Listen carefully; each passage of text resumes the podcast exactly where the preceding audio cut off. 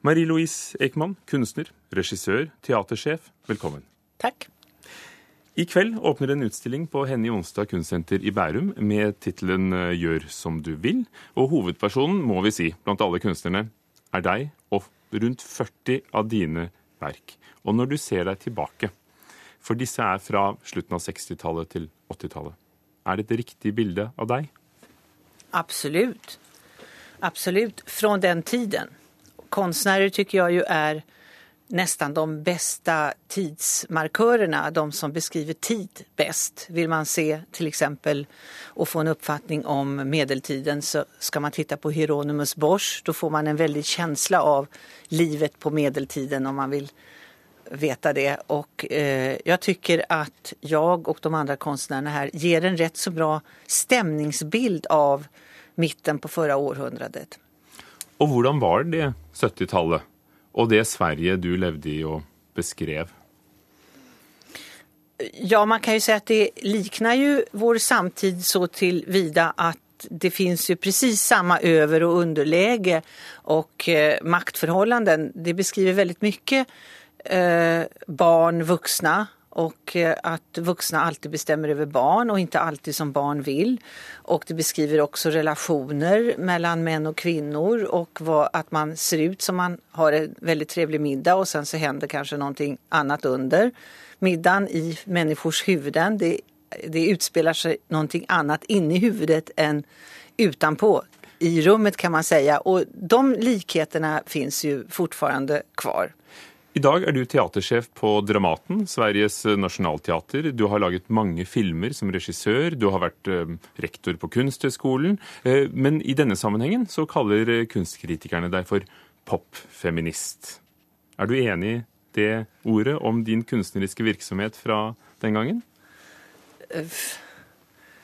Allas, alla etiketter kommer efteråt. När man, är, när man jobbar så jobbar man med någonting som berör en väldigt djupt. Och sen kommer in andra yrkesgrupper och benämner en på olika sätt. Och det kan jag, jag ju bara säga, jaha, jaha, jaha, jaha. Jag, tar inte ställning till det. Det, det. det är ett kapitel som kommer senare. Det ligner jo på det vi tenker på som popkunst. Det er elementer av tegneserier, det er små installasjoner, og det er først og fremst utrolig morsomt, mye av det. Det er en bitende ironi. Eller tar jeg feil? Nej, jag, jag tycker att humor är livsviktigt. Fordi popfeminisme så kan det virke veldig alvorlig, men hvilke symboler var det du, du drev med? Fordi det er jo mye kjønn. Og, og, og peniser som kveler kvinner, og kvinner som havner i, i, i rullen, altså mangelen.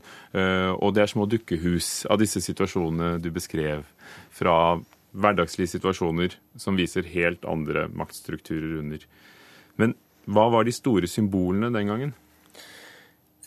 Jag vet inte, jag, jag har inte varit medveten på det sättet tror jag när jag har arbetat. Det är ju sånt som kommer efteråt. Jag kan ju bara säga att när man är ung eh, så har man precis lämnat sin barndom och man är otroligt glad över att man har lämnat sin barndom och att man har lämnat kanske sitt hem och sina lärare och man är väldigt glad över att ha en annan kropp och att man kan välja partners, vänner, arbete, Eh, och att man kan utnyttja sin kropp och använda den på ett helt annat sätt än vad man kunde som barn. Och i det ligger också en glädje i, i det här med sexualitet och att fantisera positivt om nakenhet och allt man kan göra med sin och andras kroppar. Och, och det är ju vad det här också handlar om, att det finns, det finns en väldig potential och en, en väldig lust i den egna och andras kroppar när man precis upptäcker det.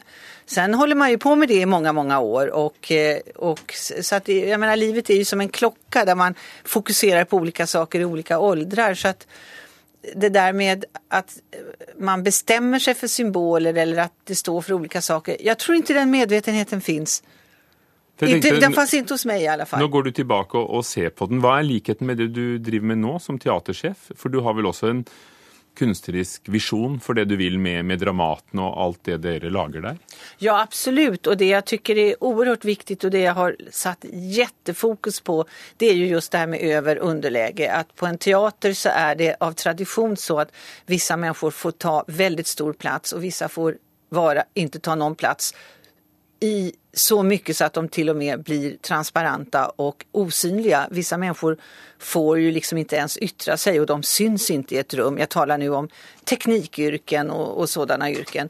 Och, och, eller mindre roller jämfört med större roller. Eh, man kan också till viss del säga vissa är du ung skådespelerska och en äldre manlig så har det funnits sån eh, hierarki också. Och det finns idag och just nu då i Sverige, i Stockholm, en stor diskussion om outsourcing och sådana saker och, och eh, där man då anser att, eh, eller man, det är ju då eh, Stockholms stads kulturborgarråd som just nu undersöker via en revisionsfirma vilka som tillhör den konstnärliga kärngruppen inom teatern och vilka som inte gör det. Och med det så sorterar hon bort alla utom skådespelarna och regissörerna och någon mer grupp och skapar alltså ett otroligt klassamhälle och en A och B och C befolkning på arbetsplatsen. Och delar teater upp. Pussigt skulle säga det, för ja. det förslaget ligger på bordet i Oslo också. Gör det det? Oslo kommunes eget teater. Ja. Eh, Marie-Louise Ekman, eh, teknikkene dine i disse bildene fra 60-, 70-, 80-tallet. Mm. Tegneserie, trykk, silke. Det er mm. kostymer til teaterforestillinger. Og så er det mm. noen bitte små modeller. Du ja. bygger sånne bitte små folkhem nesten. Ja. Med noen helt miniatyrmodeller. Ja. Har du laget dem selv? Jag har inte eh, gjort de här små uh, figurerna själv. Män och och figurer? Nej, det, det, har jag inte gjort. Jag har köpt dem själv. Men jag känner mig som Gulliver i Gullivers resor. Jag skapar miniatyrvärld. Och det är väldigt roligt att göra det. För det är det man kan göra på en arbetsplats också. Man kan skapa en miniat ett miniatyrsamhälle. Och särskilt när man är teaterchef. För yes. det handlar ju om att skapa rum. Ja. Eller regissör. Ja, absolut. Så vad är den fellestrekket i det du har skapat? För nu lagar du inte så många bilder längre. Så lagar du filmer, nu, nu lagar du teater. Ja, just nu så gör jag ju inte det därför nu, man kan säga, just nu är ju Dramatenpersonalen mitt konstverk och jag försöker ju att använda mig av det på ett så konstruktivt sätt som jag bara kan och eh, sen när jag går ut ur det huset då kan jag gå tillbaka till min ateljé och använda mig av mina små konstgjorda miniatyrer igen. Men när du blev professor på Kunsthögskolan på 80-talet så var du den första kvinnan. Ja. Och du tar ju upp förhållandet mellan kvinnor och män i dessa bilderna som kan ses på Henny Onsdag Kunstcenter. Har det skett något i mellantiden? De, är det an, lever vi annorlunda nu? Är vi annorlunda? Det har hänt väldigt, väldigt mycket tycker jag. Om man tittar på kvinnligt manligt så är det ju så. Jag var den första kvinnliga konstprofessorn, jag var den första kvinnliga rektorn på samma skola. Eh, idag så är det väldigt vanligt med kvinnliga rektorer, rektorer i universitetsvärlden. Det är väldigt vanligt med kvinnliga professorer. Så att det har ju hänt enormt mycket eh, på rätt så kort tid för att man har varit väldigt medveten om det från myndigheternas sida. Och, så att man kan ju också gå åt ett radikalt håll som myndighet och därför blir det ju extra sorgligt om de som är satta på att föra någon utveckling vidare inte har med sig de här radikala glasögonen. Marie-Louise Ekman, et siste lille spørsmål for utstillingen på Henny Onsdag Kunstsenter som eh, heter Gjør som du vil, og som henger ut eh, til 23. juni. Der er det med internasjonale størrelser eh, fra andre land også. Martha Wilson, sister Corita Kent, en amerikansk nonne. Har du følt deg som en del av en sånn internasjonal tradisjon?